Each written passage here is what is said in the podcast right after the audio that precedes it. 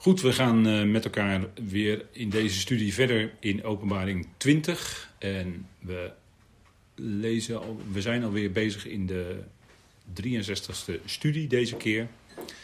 En het is denk ik goed om met elkaar uh, daar eerst wat in te lezen zometeen. En uh, daarna gaan we met elkaar wat nadenken over wat aspecten die daarmee te maken hebben. Ik wilde graag daarvoor eerst beginnen met gebed. Vader, dank u wel dat we ook op dit moment weer met openbaring bezig mogen zijn. Dank u wel dat u ons opbouwt en bemoedigt. Ook door het profetische woord dat zeer vast is. En wat ons laat zien wat de toekomst is. Vader, en openbaring is toch een bijzonder boek waarin we zien hoe deze boze eon gaat aflopen. Dat u zaken recht gaat zetten door middel van soms hevige ingrijpende gerichten en grote verdrukking. Vader, dank u wel dat u daardoorheen ook tot uw doel gaat komen. Dank u wel dat uw plannen vast en zeker zijn, dat uw woord betrouwbaar is. Dat dat niet verandert. De omgeving, de maatschappij, de wereld verandert in hoog tempo naar een andere tijd. En dank u wel dat we mogen weten daarbovenuit dat u alle dingen in uw hand heeft en dat we op u mogen vertrouwen. Dat die koning van de koningen gaat komen, de Messias, Christus Jezus, die wij mogen kennen als ons hoofd en die de herder is van Israël. We danken u dat we daarna op mogen zien en mogen zien naar dat eerdere. Vader, dank u wel dat wij als leden van het lichaam een eerdere verwachting in Christus hebben dan Israël. Maar dank u wel dat u alles precies op de juiste tijd zal doen. We danken u daarvoor. We danken u dat u ons zo samenbrengt en dat we ons met blijdschap mogen verheugen over wat u zegt. We danken u daarvoor in de machtige naam van uw geliefde zoon. Amen. Goed, we lezen met elkaar. U kunt meelezen vanaf de dia's of anders in uw Bijbel. En u zult het misschien op de dia's wat anders zien dan in uw Bijbel, omdat het toch iets meer uh, concordante vertaling is. We lezen Openbaring 20 vanaf vers 1. En er staat: En ik nam een boodschapper waar, afdalend uit de hemel, die de sleutel van de afgrond heeft en een grote keten in zijn hand. En hij hield de draak vast, die van oorsprong af de slang is, die de tegenwerker is en de Satan. En hij bond hem voor duizend jaar. En hij wierp hem in de afgrond en sloot en verzegelde die, bovenop hem, opdat hij niet meer de natie tot dwaling zou brengen, totdat de duizend jaar ten einde gebracht zou worden. Na deze dingen moet hij korte tijd losgemaakt worden. En ik nam tronen waar en zij gaan op hen zitten. En gericht werd aan hen gegeven. En de zielen van hen die onthoofd zijn om het getuigenis van Jezus en om het woord van God, en die het wilde beest niet aanbaden, noch zijn beeld, en niet het merkteken namen op hun voorhoofd en op hun hand, zij leefden en regeerden met Christus duizend jaar. De overige van de doden leefden niet, totdat de duizend jaar tot een einde gebracht zou worden. Dit is de eerste opstanding. Gelukkig en heilig zijn zij die deel hebben aan de eerste opstanding. Over deze heeft de tweede dood geen volmacht, maar ze zullen priesters van God en van Christus zijn, en ze zullen heersen met hem duizend jaar. En wanneer ook de duizend jaar tot een einde gebracht wordt, zal de Satan losgemaakt worden uit zijn gevangenis. En hij zal eruit komen om alle naties die in de vier hoeken van de aarde zijn tot dwaling te brengen, Gog en Magog, en om hen te verzamelen voor de veldslag van wie het getal is als het zand van de zee. En ze kwamen op over de breedte van de aarde en zij omringden het kamp van de heiligen en de geliefde stad. En vuur daalde af van God uit de hemel en at hen op.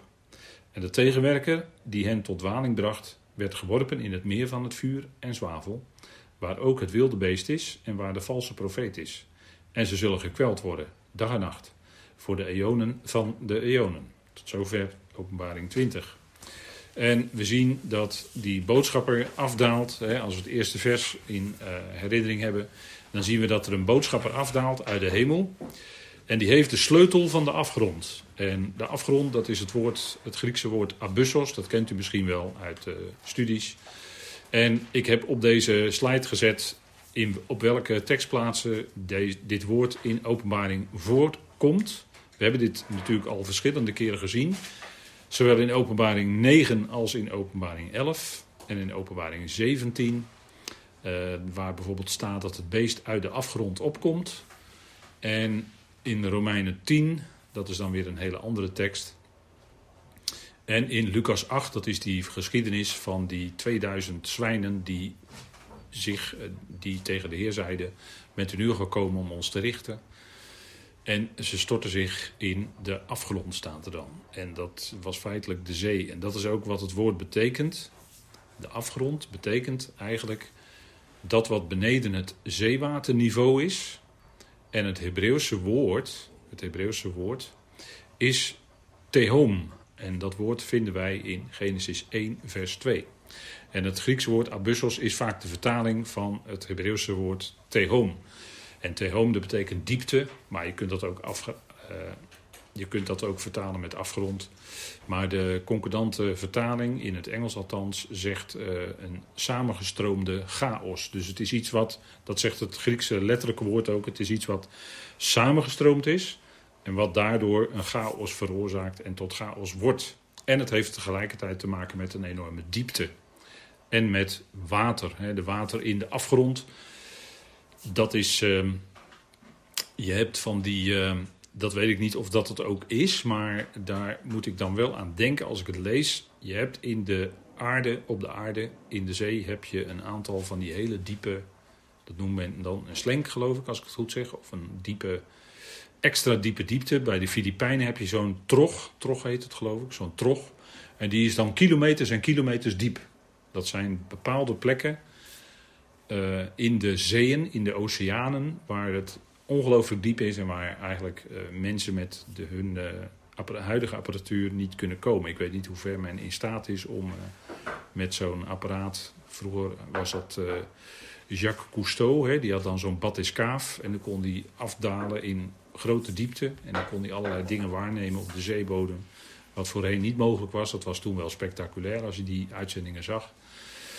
Maar misschien hebben ze inmiddels al betere uh, om het zo maar te zeggen, waarin men nog verder in de diepte kan afdalen. Dat weet ik niet. Maar in ieder geval komt er in openbaring van alles uit de afgrond, uit de diepte, ook het beest. En het beest zal de wereldmacht krijgen. Het beest is eh, niet alleen een aanduiding voor dat wereldrijk, wat zal bestaan uit tien koningen, uit tien staten. En dat zal zich vooral concentreren daar in het Midden-Oosten. En we weten dat de hoofdstad daarvan is Babylon. Dat, is, eh, dat mogen duidelijk zijn, dat hebben we uitgebreid besproken. En uh, dat beest, dat zal daar zijn in de eindtijd. En een prelude daarop is dat er um, vredesbewegingen zijn, en dat is nu ook in het Midden-Oosten aan de hand. Er zijn allerlei landen die, laten we maar zeggen, diplomatieke betrekkingen met Israël, of het zij in het openbaar, maar dat blijkt meestal na verloop van tijd, of het zij in het geheim, dat er allerlei diplomatie door Netanyahu, de huidige premier, uh, is gedaan. Dat is ook al gebeurd. Maar in elk geval is met name de opstelling van het land Saoedi-Arabië belangrijk, omdat daarin de twee plaatsen Mekka en Medina liggen. U weet de betekenis daarvan. En de derde plaats is Jeruzalem. Maar um, onlangs heeft uh, Saudi-Arabië ook daar een uitspraak over gedaan. Dat uh, men toch wat meer moet kijken naar de plaatsen in Saudi-Arabië zelf. Dat dat de ware heilige plaatsen zijn. Daar heb je ook die zwarte stenen, die Kaaba. En dat Jeruzalem dus wat minder belangrijk is. En die uitspraak is natuurlijk van eminent belang, omdat daarmee uh, de, de zware focus op Jeruzalem als een van de heilige plaatsen wat wordt afgewend. Dat gaat ruimte bieden dat op, de, op die tempelberg dat daar een heiligdom kan komen, een tempel. Tempelinstituut wil dat natuurlijk heel graag. Alles is al klaar. We zijn er twee keer geweest in Israël. We hebben dat allemaal met onze eigen ogen gezien. Alles is klaar. En uh, die tempel die kan dus herbouwd gaan worden. En men heeft ook al een soort prefab tempel, heb ik begrepen, die men in drie maanden tijd kan opbouwen. Waardoor men ook de offerdienst kan herstellen. En de rode koe, die is er. De rode koe, waarmee men dat reinigingswater kan maken waarmee de priesters zich moeten reinigen als ze een dode hebben aangeraakt. Dan moet, het, moet de as van de rode koe in water gestrooid worden. Dat is natuurlijk een, een bepaald ritueel hè, met een bepaalde betekenis. En dat water is dan tot ontzondiging, zo heet dat dan. Hè? In eh, Leviticus eh, staat dat. Maar dan heb je een volkomen rode koe voor nodig en die is er. Dus wat dat betreft, ook dat puntje is ingevuld. En uh, als de rabbijnen dat hebben goedgekeurd en denken erom dat die heel nauwkeurig kijken of alle haren van die koe echt allemaal rood zijn, maar dat is het geval. En dan kan die offerdienst dus, alles is dus met andere woorden, kort gezegd, alles is eigenlijk klaar dat die offerdienst, zoals ook in Daniel vermeld, kan gaan plaatsvinden. Dus we zien allerlei bewegingen waardoor, het, uh, het, het, waardoor je dus contouren ziet van, laten we maar zeggen, het eindtijdscenario, waar Daniel de openbaring uitgebreid over spreken. Um, en de mensen die misschien vijf of tien jaar geleden zeiden van ach joh, het kan nog wel honderd jaar duren, die denk ik dat die nu toch wat anders gaan kijken. Zouden moeten kijken, wat mij betreft, zouden, anders zouden moeten kijken naar de ontwikkelingen daar. Omdat uh, eigenlijk alles wat uh, in de profetie aangegeven is, uh, is bezig stapjes te zetten naar die eindtijd. Dus alles ligt klaar. En ook wereldwijd, alle, alle dingen die nu spelen. Er wordt natuurlijk gesproken over een wereldrijk. In, de in de tijden van Daniel had je uh, Ahasveros, die, denk aan het boek Esther, die reageerde over 127 gewesten. Nou, nu bestaat uh, de hele wereld, ik meen uit 197 landen.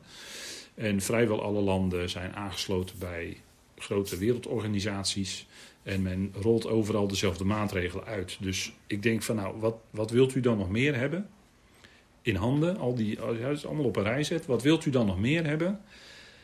Dat je uh, zou willen ontkennen dat er nu contouren zichtbaar worden in deze wereld van de eindtijd, hè, waar Daniel dan over spreekt. De tijd van het einde. Dat is een specifieke uitdrukking in Daniel, maar daarvoor verwijs ik dan graag naar de studies die destijds gehouden zijn over Daniel.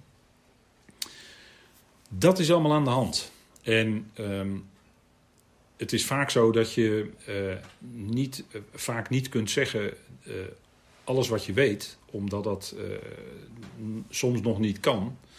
Maar naarmate de tijd vordert, blijkt dat er dus steeds meer dingen op tafel komen die voorzegd zijn en die goede Bijbeluitleggers ook op tafel hebben gelegd aan de hand van de schrift zelf. En het mooie is dat als je goede Bijbeluitleggers hebt, dan dan volgen ze echt de schrift. En dan kloppen studies die lange tijd geleden, hè, meer dan tientallen jaren geleden, nee, honderd jaar geleden geschreven zijn, exact die studies kloppen.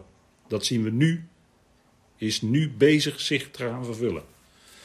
En daarom denk ik dat we uh, ja, vanuit, vanuit uh, organisaties wordt natuurlijk gezegd, uh, deze tien jaar, hè, er wordt heel veel actie, moeten heel veel acties ondernomen worden. En dat zie je ook gebeuren. En ik denk ook dat uh, als je, daar zijn we de vorige keer ook mee bezig geweest en daarom spreek ik hier nu even over. Vorige keer zijn we bezig geweest met die 2000 jaar. Hè. Peter zegt, duizend jaar is bij de Heer als een dag en een dag als duizend jaar. Hij zegt het dus twee keer. Hosea spreekt in Hosea 6 over de derde dag. En daarvoor gebruikt hij het woord dagen, meervoud. Dus dat moeten er twee zijn. Dus twee dagen heeft Hosea het over. En op de derde dag zal Israël herleven. 2000 jaar is nu voorbij. Hè, nadat de Heer is weggegaan. Jaar 33 of het jaar 30 AD, ik weet het niet. Of misschien wel 29 als de Heer 4 voor Christus, hè, de jaartelling dan, 4 voor Christus geboren is.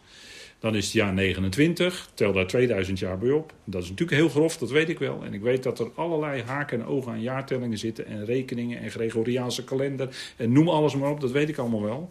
Maar twee dagen zijn voorbij. 2000 jaar zijn voorbij. En dan, als je die rekensom maakt, dan kun je niet anders dan concluderen dat we er gewoon dichtbij zitten. Dat kan niet anders. Ik ben daarvan overtuigd. En uh, zonder dat we daarin uh, overspannen doen of wat dan ook. We leven gewoon ons leven. We leven van dag tot dag. En we zien wat de Heer elke dag geeft.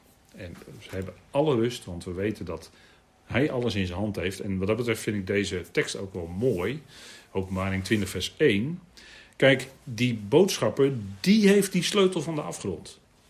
Dat is een boodschapper van God. Dat wil dus zeggen dat God volledig controle heeft over wat er in die afgrond gaat en wat er uit die afgrond komt. Dat gebeurt allemaal dus op zijn tijd. Er kan dus niets voor de juiste tijd daaruit komen. En er kan ook niets voor de juiste tijd die God geeft daarin gaan. Nee, dit is het moment, hè, openbaring 20 vers 1. Dit is het moment dat die boodschapper komt. Die heeft de sleutel. Natuurlijk is dat beeldspraak, dat, dat is duidelijk. Hè? Maar die heeft de sleutel van de afgrond. En die bepaalt ook dan dat moment, hè, dat is door God bepaald, dat die tegenstander daarin geworpen wordt. En dat gebeurt, als u het mij vraagt, en daarin volg ik broeder nog, direct na afloop van de grote verdrukking. Dan wordt de tegenstander genomen, gepakt en die wordt in de afgrond, deksel erop, verzegeld, duizend jaar lang. God heeft al die dingen in controle, onder controle. God heeft al die dingen in zijn hand. En uh, in de eindtijd uh, zal God ook een krachtige dwaling sturen, opdat de mensen de leugen geloven. Dat doet God.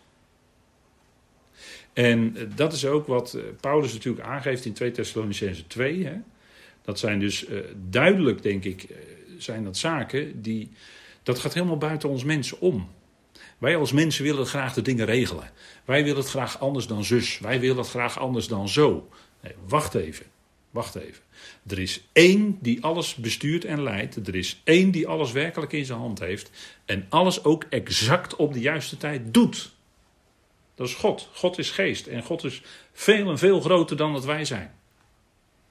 En, en uh, daarom denk ik dat we, als we nu zien dat de, de bladzijden van de profetieën dat het echt aan het gebeuren is. En als iemand een bewijs wil hebben, iemand die atheïsten zeggen: Israël, dat is het bewijs. 2000 jaar ondergegaan in de volkeren, maar de profetie is waar. Daar is dat volk weer in het Midden-Oosten, exact volgens de profetie. Dat is gewoon het bewijs. En als je dat wil ontkennen, ja goed, dan, dan, dan ben je daar nog blind voor. Dan heeft God het nog niet gegeven. Zeker.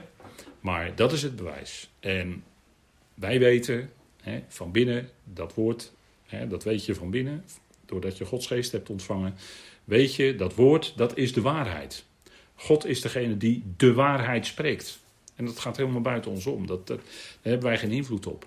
Wat, wat God zegt, dat is gewoon waar. En of wij het ermee eens zijn of niet, of wij denken dat het anders is of niet, maakt geen enkel verschil. Dat woord blijft waar en hij vervult het, want hij is liefde en hij doet het precies op de juiste tijd. Dus wat dat betreft denk ik dat het goed is om dat ons te realiseren. Hè? Dat die boodschapper de sleutel van de afgrond heeft en niemand anders. En hij heeft een grote keten in zijn hand.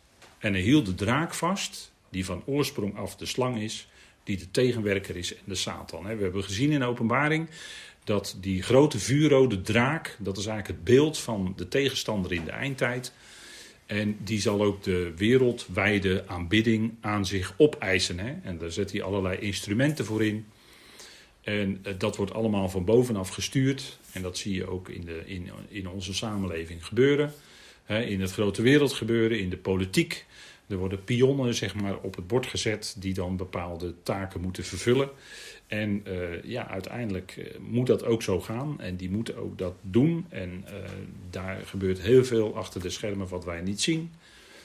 Maar denk erom dat alles planmatig verloopt. Hè? Dat er geen toeval is. Dat er, daar geloof ik al, al, helemaal niet in, in toeval.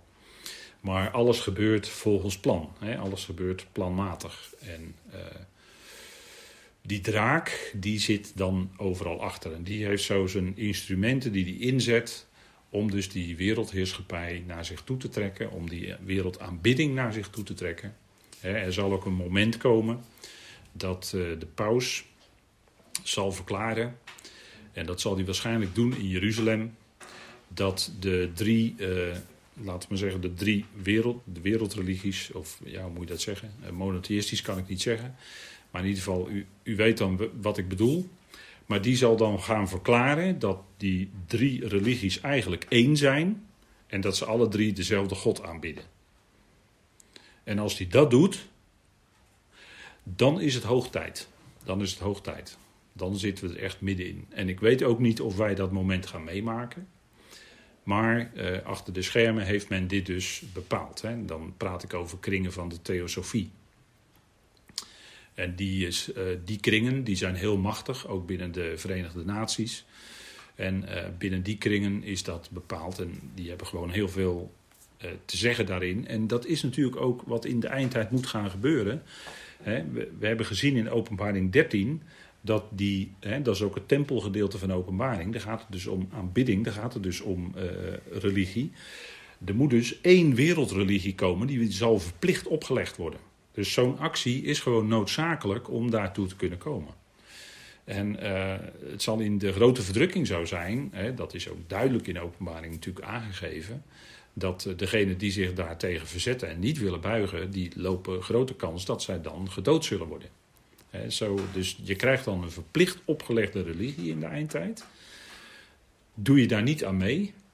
Hè, Daniel en zijn vrienden werden in de vurige overgeworpen. Dat is natuurlijk een beeld, hè? dat is natuurlijk een, een, type daarvan. Hè? Een afbeelding, een profetische afschaduwing van wat later gaat gebeuren in de hele wereld.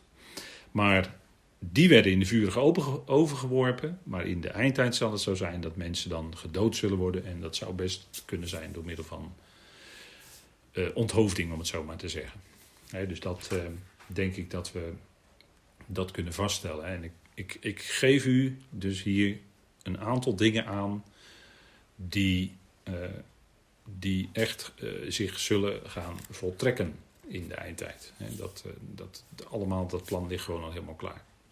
En dan staat er, en hij bond hem voor duizend jaar. En die duizend jaar, daar zijn we eigenlijk mee bezig. Je hebt eigenlijk twee periodes van duizend jaar, maar zometeen ga ik daar verder op in. Um, maar de Satan, de tegenstander, wordt hier gebonden gedurende duizend jaren. Dus je hebt een periode van duizend jaar. De duizend jaar is eigenlijk de periode dat Satan gebonden is. Vaak is daar verwarring over in, in uitleggen wat mensen denken. Mensen denken vaak dat de dag des Heren hetzelfde is als het duizendjarig rijk, maar dat is niet zo.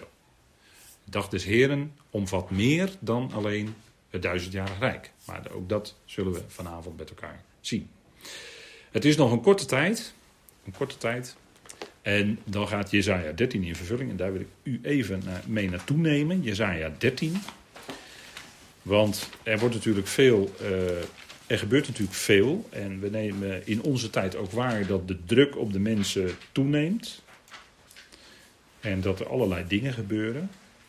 En Jezaja, dat, dat is natuurlijk een gedeelte dat we al eerder wel besproken hebben hoor, in deze studies. Maar ik wil er toch nog heel even bij, uh, bij bepalen.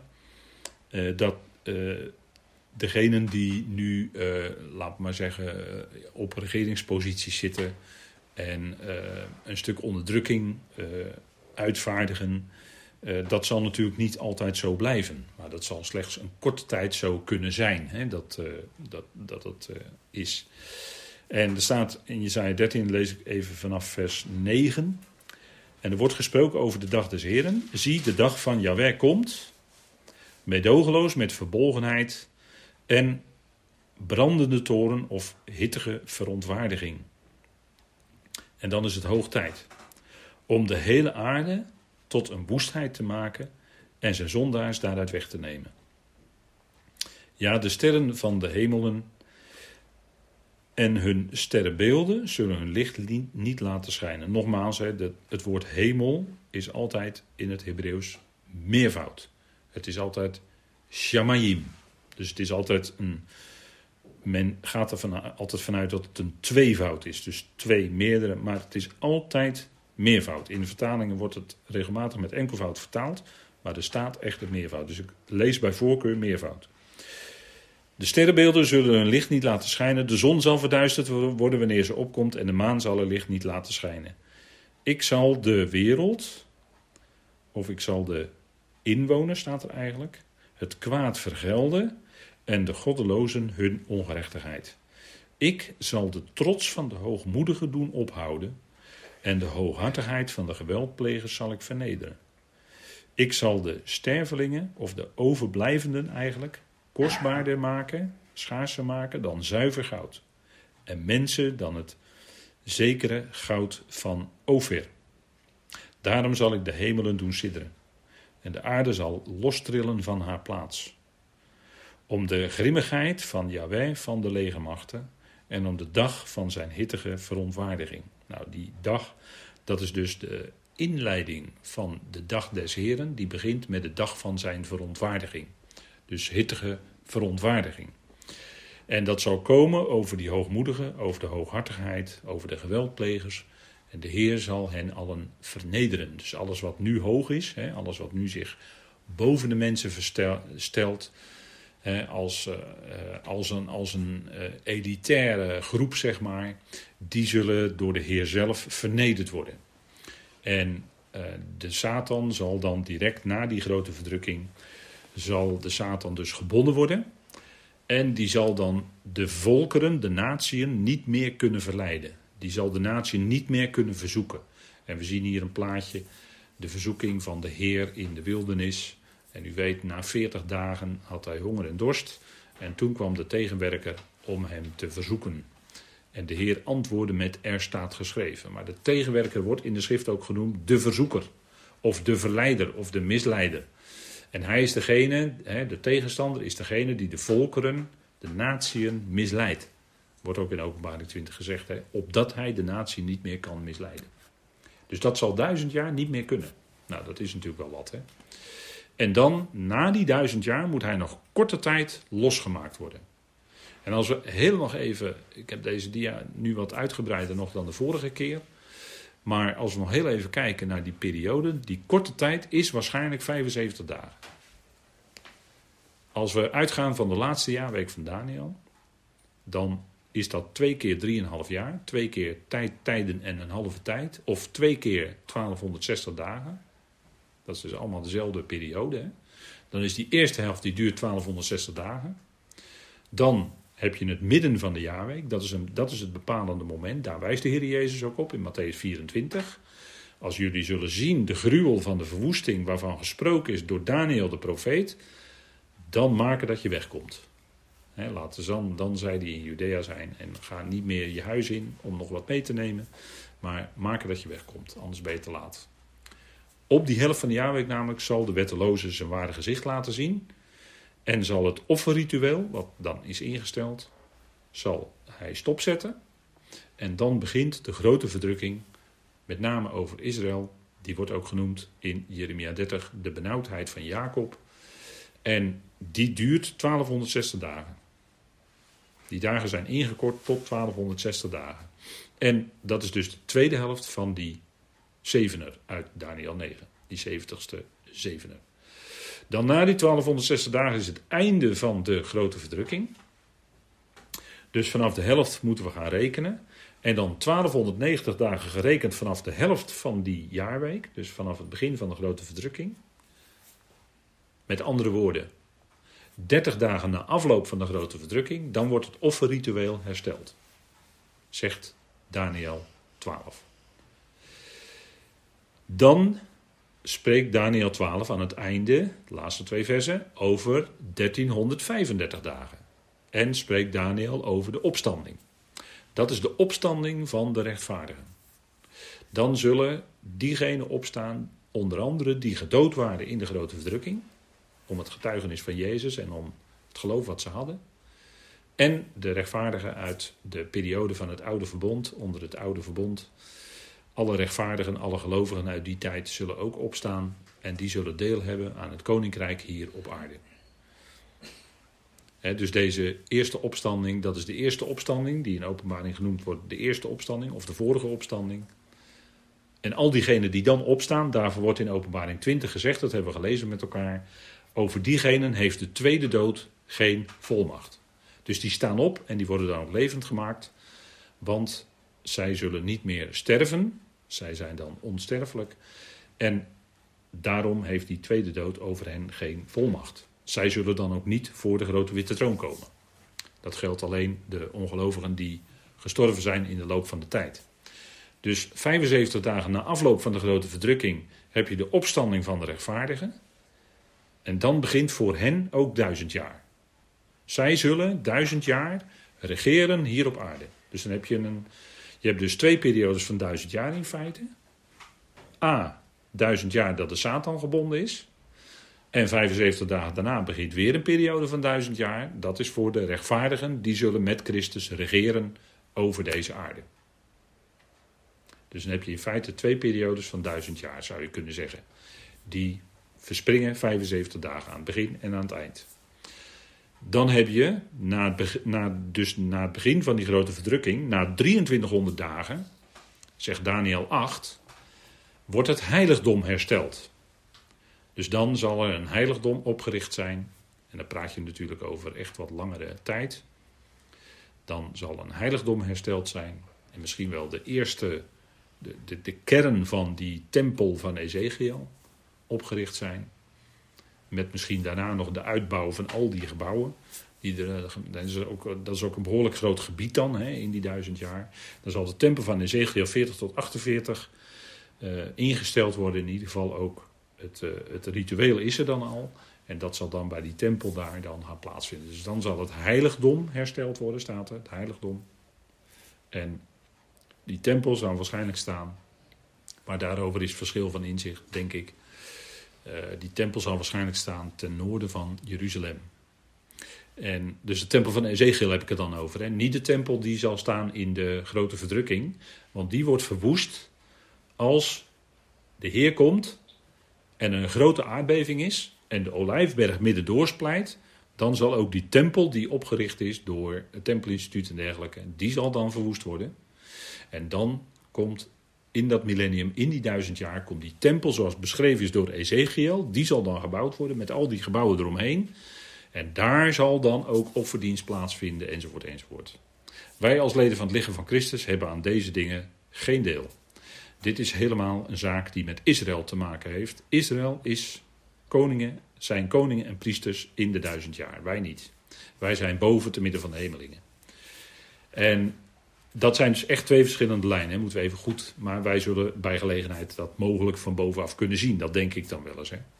Zal natuurlijk een enorm bouwwerk zijn. Goed, het millennium, even nog overzichtelijk. Satan gebonden, Satan losgelaten, duizend jaar. Natie niet misleid, duizend jaar lang. Natie misleid.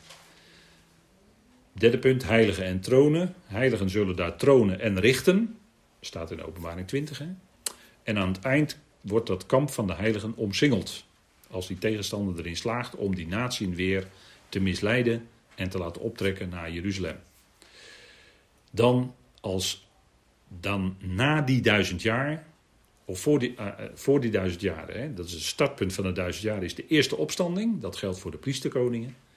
En dan na afloop van die duizend jaar is nog een korte tijd.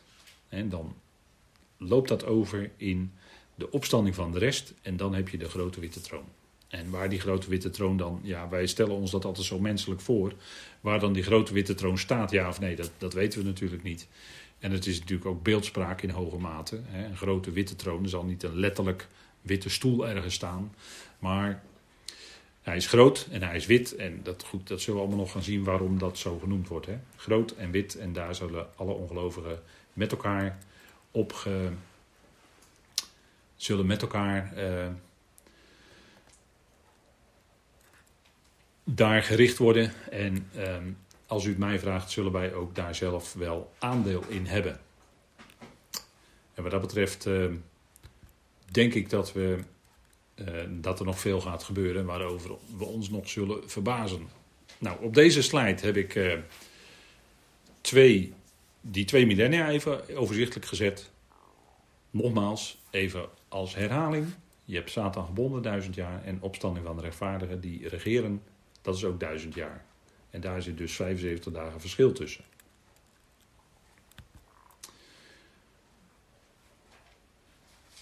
En we krijgen wel uh, regelmatig de vraag van, ja, hoe zal dat dan zijn in de duizend jaar? Hè? Is het dan allemaal pais en vree? Is het allemaal ideaal? Dat denken mensen wel eens, hè? dat je dan een soort volmaakte toestand hebt. Maar de, ja, eh, volmaakt, uh, dat is, dat is het eigenlijk niet. Kijk, Jezaja die zegt er wel wat over. En ik denk dat het goed is om, als we wat inzoomen op die duizend jaar, dan uh, zegt Jezaja daar nog wel het nodige over. Over hoe dat dan zal zijn in die duizend jaar. Wat voor aspecten zijn dat dan? En je hebt uh, Jezaja 62, tot en met 66. Het zijn hoofdstukken waar ook wel een en ander gemeld wordt over hoe de situatie zal zijn in de duizend jaar. Uh, in ieder geval denk ik dat het om, goed is om even in te zoomen op Jezaja 65, maar dat nemen we even een aanloopje. En bijvoorbeeld, hè, ik heb wel eens gezegd van als iemand als 100-jarige sterft, dan is hij nog jong. Dat, met andere woorden, er zijn hoge leeftijden. En dat zal te maken hebben met de betere omstandigheden. Het klimaat zal dan aanzienlijk verbeterd zijn. Uh, dat zal de Heer natuurlijk zelf allemaal regelen. Hè. Dat klimaat, dat, dat hebben wij verder als mensen zo, maar zo uh, eigenlijk geen invloed op, op het klimaat. Maar dat zal de Heer zelf wel regelen. Dat het klimaat sterk verbeterd is, de omstandigheden. De, het land zal veel meer vrucht op, opbrengen. En dat zal waarschijnlijk ook zijn omdat er dan veel minder gif opgespoten wordt hè, op de gewassen. Wat nu wel gebeurt. Enzovoort, enzovoort. Hè. Ik zou zeggen, u weet dat allemaal zelf uh, als uh, geen ander, denk ik. Uh, de omstandigheden zullen gewoon veel beter zijn. Het, land zal veel meer opbrengen. Landen zullen niet meer verwoest worden door oorlogen. Dat is dan wel zeker zo. Omdat de Heer zal regeren via Israël. En dat doet hij dan toch wel met een ijzeren roede. Dus men zal de oorlog dan niet meer leren. En nu is het natuurlijk de afgelopen honderden jaren oorlog na oorlog waardoor landen kapot gaan en weer opgebouwd moeten worden, waardoor uh, grote stukken gewassen, landbouwgrond enzovoort. Nou goed, ik hoef u daar verder niet zoveel over te vertellen, denk ik. Maar die, om, die omstandigheden zullen in de duizend jaar veel beter zijn. En de aarde gaat dus nog gewoon duizend jaar mee. Dus we, hebben niet, uh, we hoeven niet bang te zijn dat ineens de zeespiegel zoveel meter stijgt. Of wat dan ook. Wat, wat ooit wel eens in een film om mensen bang te maken gezegd is. Maar dat was natuurlijk ook een uh, fake verhaal in zo'n film. Dat de zeespiegel dan binnen de kortste keren meters zou stijgen. Nou, dat, is iets, uh, dat zijn sprookjes. Dan uh, is er weer wat toegevoegd aan het sprookjesboek, denk ik dan. Maar met de werkelijkheid heeft het weinig te maken.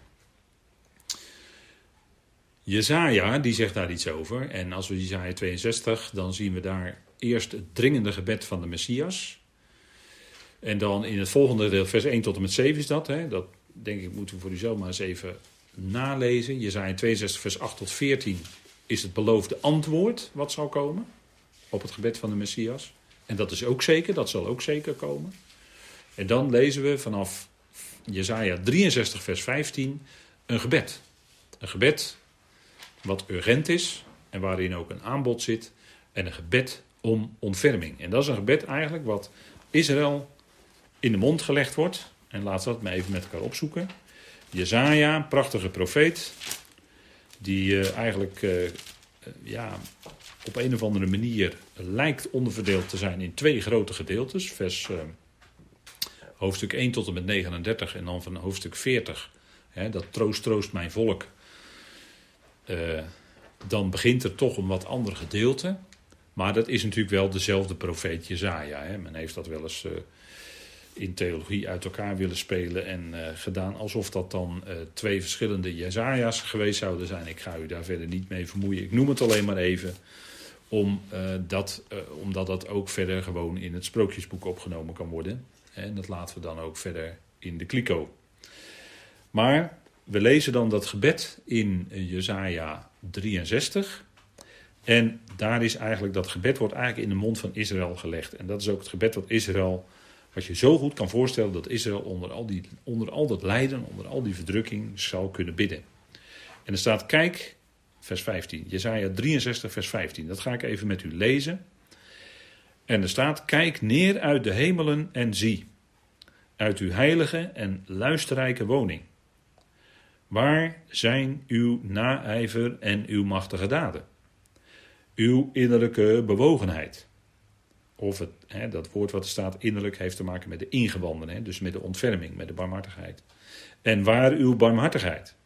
Zij houden zich jegens mij in, zegt Israël.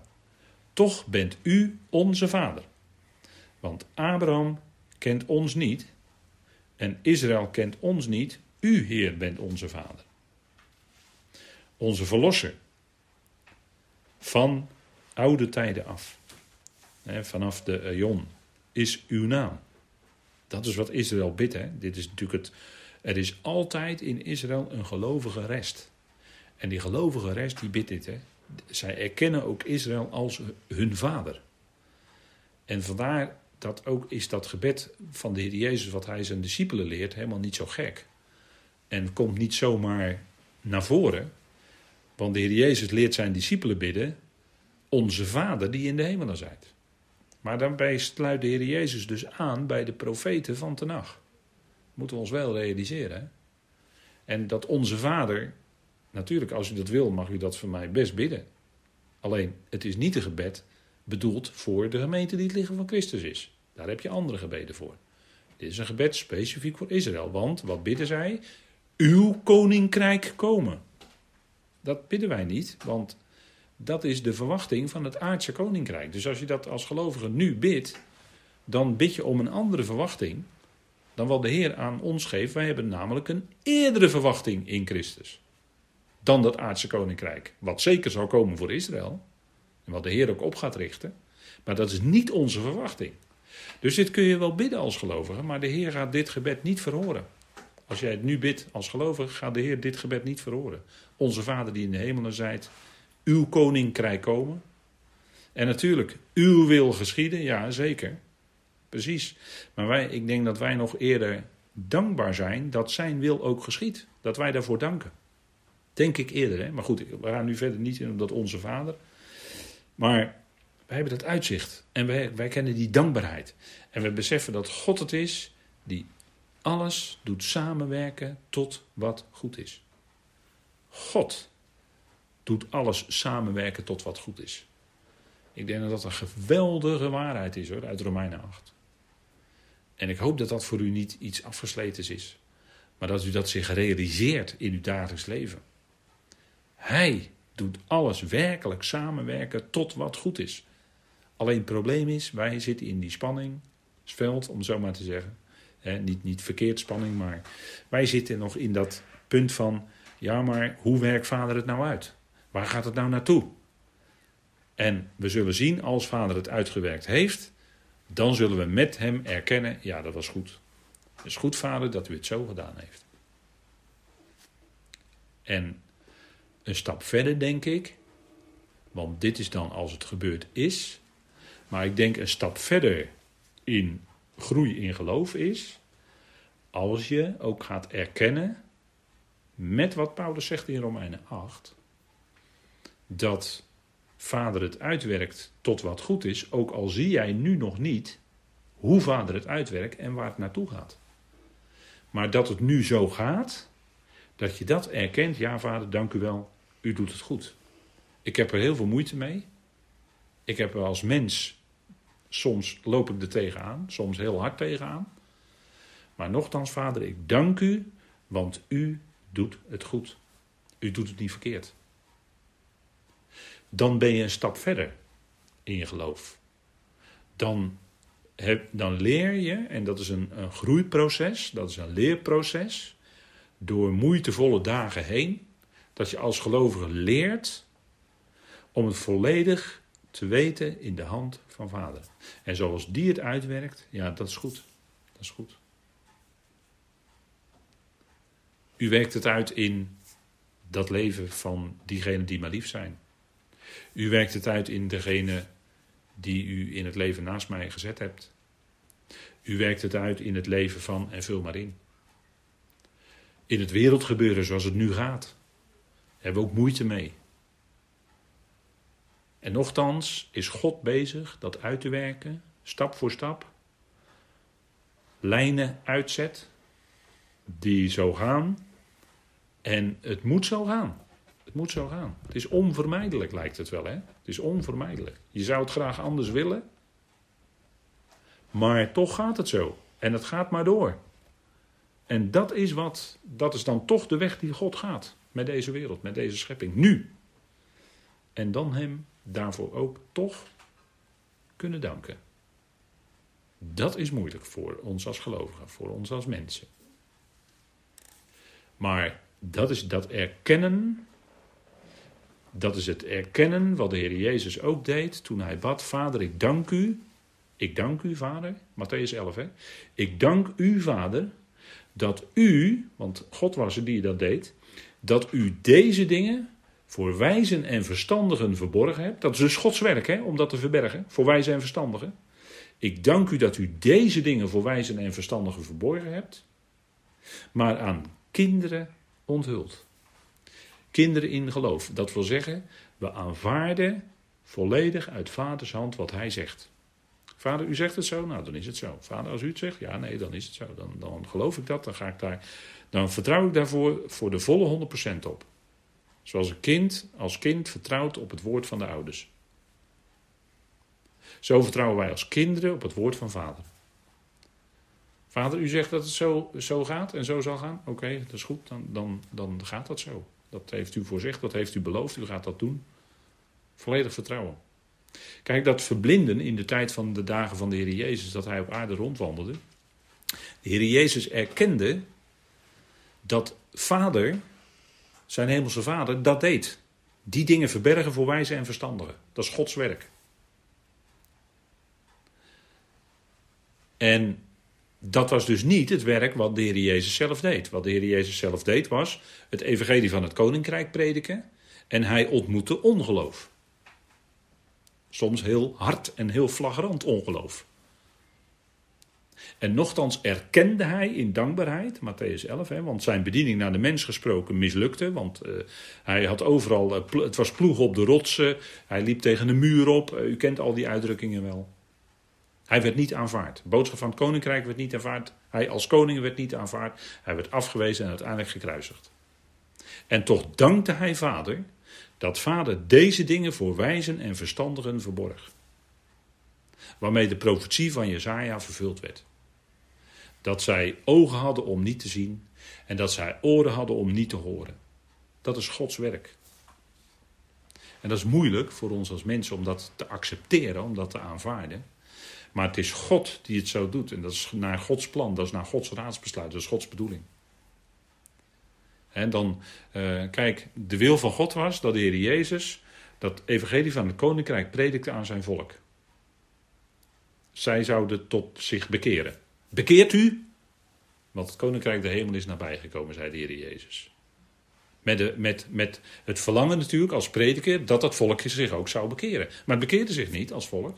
Er waren er wel die achter maar de meerderheid uh, niet. Die, die bleken verblind te zijn.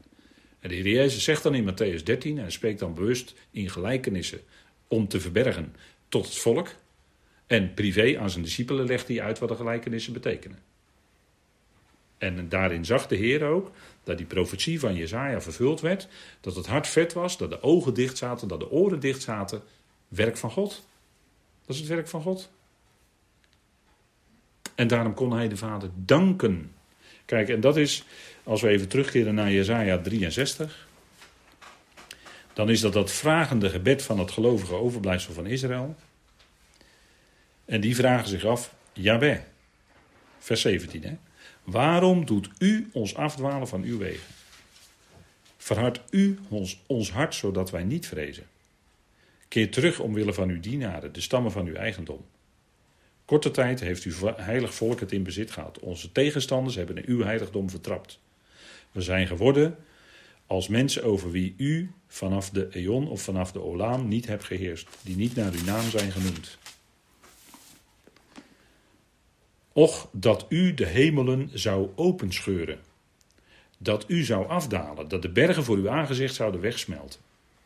En dat is helemaal, dit is helemaal eigenlijk het gebed van, het, van, van die enkeling uit Israël die gelooft in deze tijd, maar die ziet dat de hemel dicht is. De hemel is van koper. Want wat, wat, bidt, hier, uh, wat bidt hier de Jood? Och, dat u de hemelen zou openscheuren. Dus die hemelen zitten dicht. God, God reageert niet. Lijkt het. Hij antwoordt niet, denken ze. Hij verbergt zich. Zoals vuur, vers 2, een kreupelhout aansteekt en vuur het water laat opborrelen, om dat uw naam aan uw tegenstanders bekend te maken. Laat de heidevolk of de natie voor uw aangezicht sidderen, toen u onzagwekkende dingen deed die wij niet verwachten. Daalde u neer, voor uw aangezicht smolten de bergen weg. Ja, vanaf de oude tijden af, vanaf de Olaam of vanaf de Eon, heeft men het niet gehoord, heeft men het niet ter oren genomen en geen oog heeft het gezien dat u de enige Elohim bent, dat u de enige God bent. Hij doen zal voor wie op hem wacht. U ontmoet wie zich verblijdt, wie gerechtigheid doet, wie op uw wegen aan u blijven denken. Zie, u was zeer toornig, want wij hadden gezondigd. Maar in deze wegen is de eeuwigheid of de olaam en wij zouden verlost zijn geweest. Echter, wij alle zijn als een onreine. Al onze rechtvaardige daden zijn als een bezoedeld kleed. Wij alle vallen af als een blad en onze misdaden voeren ons weg als de wind. Er is niemand die uw naam aanroept, die zich beijvert om u vast te grijpen, want u verbergt uw aangezicht voor ons. En u doet ons wegkwijnen in de greep van onze ongerechtigheden. Maar nu, heren, u bent onze vader. Wij zijn het leem en u bent onze pottenbakker. Wij allen zijn het werk van uw handen.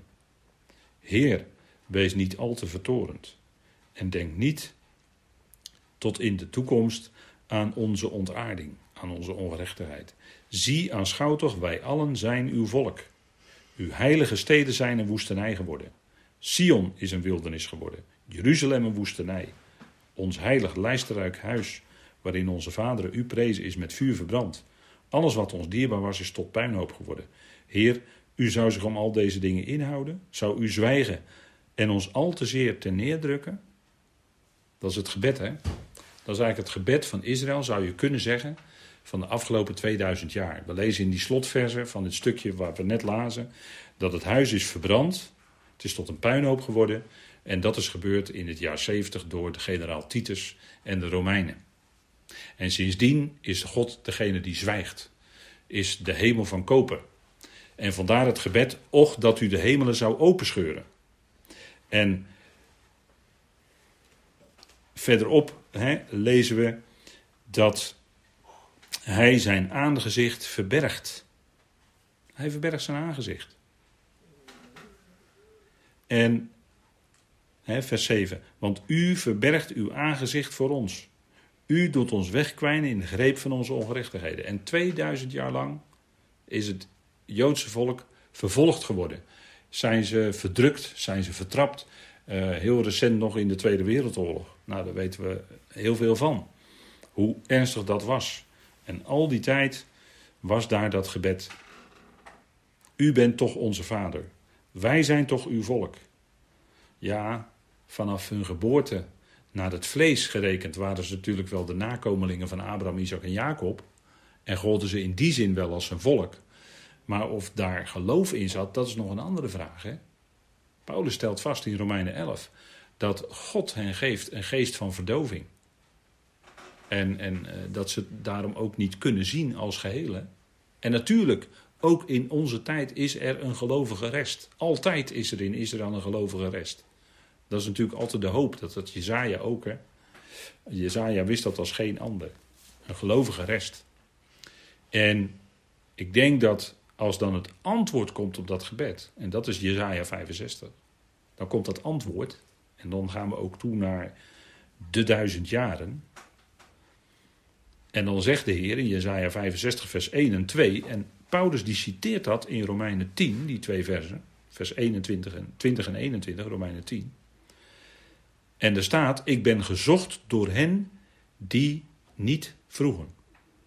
Ik ben gevonden door hen die mij niet zoeken. Ik zeg tegen het volk dat mijn naam niet roept: Zie, hier ben ik.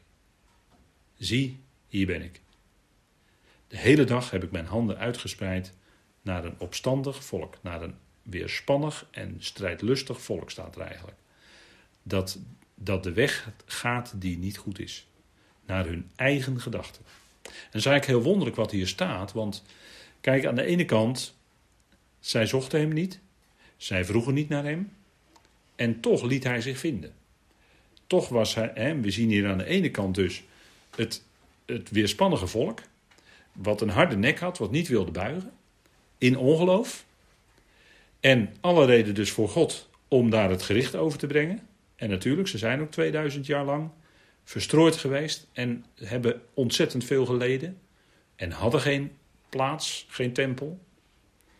En toch zegt God hier: Ik ben gevonden door hen die naar mij niet zochten. Dat is paradoxaal.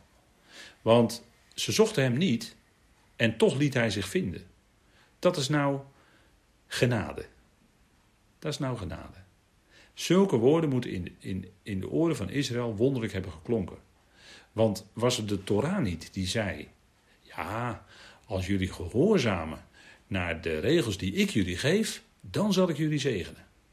Maar gehoorzamen jullie niet, dan, dan zal de vloek over jullie komen. Hoofdstukken lang, leest u het maar na. Deuteronomium 28, 29, 30. De zegen en de vloek. En die hield Mozes en allebei voor. En dan zei hij: kies dan het leven. Kies dan die zegen. Met andere woorden, je moet luisteren en als je niet luistert, dan. En hier is eigenlijk dus tegenstrijdig daaraan, aan dat principe van de wet, van de Torah, is dat hoewel ze hem niet zochten, hoewel ze niet naar hem vroegen, hij zich toch liet vinden en toch zei: Hier ben ik. En had hij zijn handen uitgespreid naar een weerspannig en strijdlustig volk. Dat citeert Paulus in Romeinen 10. Dat is het wonderlijke. Kijk, en dat is nou genade. Dat is nou God die in genade zijn handen uitstrekt naar een volk dat zich niet naar hem toekeert. Kijk, en dat is nou het wonderlijke, dat is nou dat andere principe, dat is nou dat andere van God, wat zo anders is dan het principe van de wet. Wat natuurlijk er moest zijn als een enorme leerschool, dat hebben we uitgebreid gezien ook met de studies van de gelatenbrief. Maar dat moest ook zo zijn, opdat zou blijken dat Israël een hardnekkig en weerspannig volk is en dat de mens uit zichzelf, vanuit zijn vlees, niet in staat is om het goede te doen. Niet in staat is om zich aan de wet te houden. Hoe vroom en hoe mooi hij het ook probeert, het gaat hem niet worden. Daarvoor is de geest nodig. En daarom is de gezindheid van de geest er een van leven en vrede. Maar dan moet je eerst die geest hebben ontvangen. Anders kan die gezindheid ook niet in je zijn. Dat hebben we gezien met de studie Colossense de laatste keer. We hebben die woorden van Romeinen 8 met elkaar overwogen. De gezindheid van de geest is leven en vrede. En anders ben je bezig in de geest van slavernij onder de wet. Maar die geest hebben wij niet ontvangen om opnieuw te vrezen, zegt Paulus. Nee, we hebben de geest van het zoonschap ontvangen. En Israël zal die geest van het zoonschap ook ontvangen voor hun zoonpositie, die zij ook zullen innemen in de komende duizend jaar. En dit is eigenlijk heel wonderlijk, hè? heel paradoxaal. Dat God zijn liefdevolle handen, en wij zeggen in onze tijd zijn verzoenende handen zelfs, uitstrekt naar weerspannige mensen die op zich niet naar hem op zoek zijn, maar hij heeft ze lief. God heeft de mens lief. De daden van de mens, dat is wat anders. Dat is wat anders. Maar dat zal ook aan, aan, aan de orde komen bij de grote witte troon. He, daar gaan we nog uitgebreider met elkaar over spreken natuurlijk. die grote witte troon, dat, dat is wat hoor. Kijk, wij zeggen wel eens van, kijk, mensen die denken in dit leven overal mee weg te komen. En alles wordt afgedekt, handen worden boven het hoofd gehouden, noem alles maar op. Mensen lijken overal, bepaalde mensen lijken overal mee weg te komen, worden niet veroordeeld. Nee, maar wacht even, wacht even. Daar komt een grote witte troon en dan komt het aan de orde. Reken maar, reken maar. En dan gaat die film van het leven gaat draaien. En denk erom dat dan de, al de dingen aan de orde zullen komen die aan de orde moeten komen. Dan valt het volledige licht van God daarop. En dan zijn er geen coulissen meer om zich achter te verschuilen. En dan kun je niet meer wegduiken achter een muurtje. En dan kun je niet meer een masker opzetten waar je achter kunt verschuilen. Nee, dan valt gewoon die buitenkant valt gewoon helemaal weg. De grote witte troon, dan gaat het erop aankomen, dan gaat het blijken. En dan gaat ook blijken, en dat is het geweldige van de grote witte troon, wie God is. Dat is het punt, hè? Dan zal blijken dat God liefde is en dat degene die richt, dat is daar de Heer Jezus Christus. Want aan hem is al het gericht gegeven, zegt Johannes 5. Die zal daar richten op die grote witte troon, maar die is ook tegelijkertijd, zijn naam zegt het al, redder. En die zal die liefde van God uiteindelijk laten prevaleren. Want God heeft de mens lief. Hij heeft de zondaar lief, maar niet het zondigen maar hij houdt van iedereen. En dat zal blijken, ook bij de grote witte troon. Nou, ik denk dat we even een momentje pauze inlassen, dan gaan we daarna verder.